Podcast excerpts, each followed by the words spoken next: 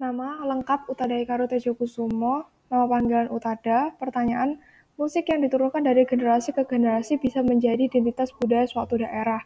Mengapa? Karena menurut saya, musik yang, yang tetap dilestarikan dari generasi ke generasi membuktikan bahwa musik tersebut adalah identitas dari daerahnya, sehingga lama-kelamaan dikenal sebagai budaya setempat atau bagian dari daerah tersebut. Terima kasih.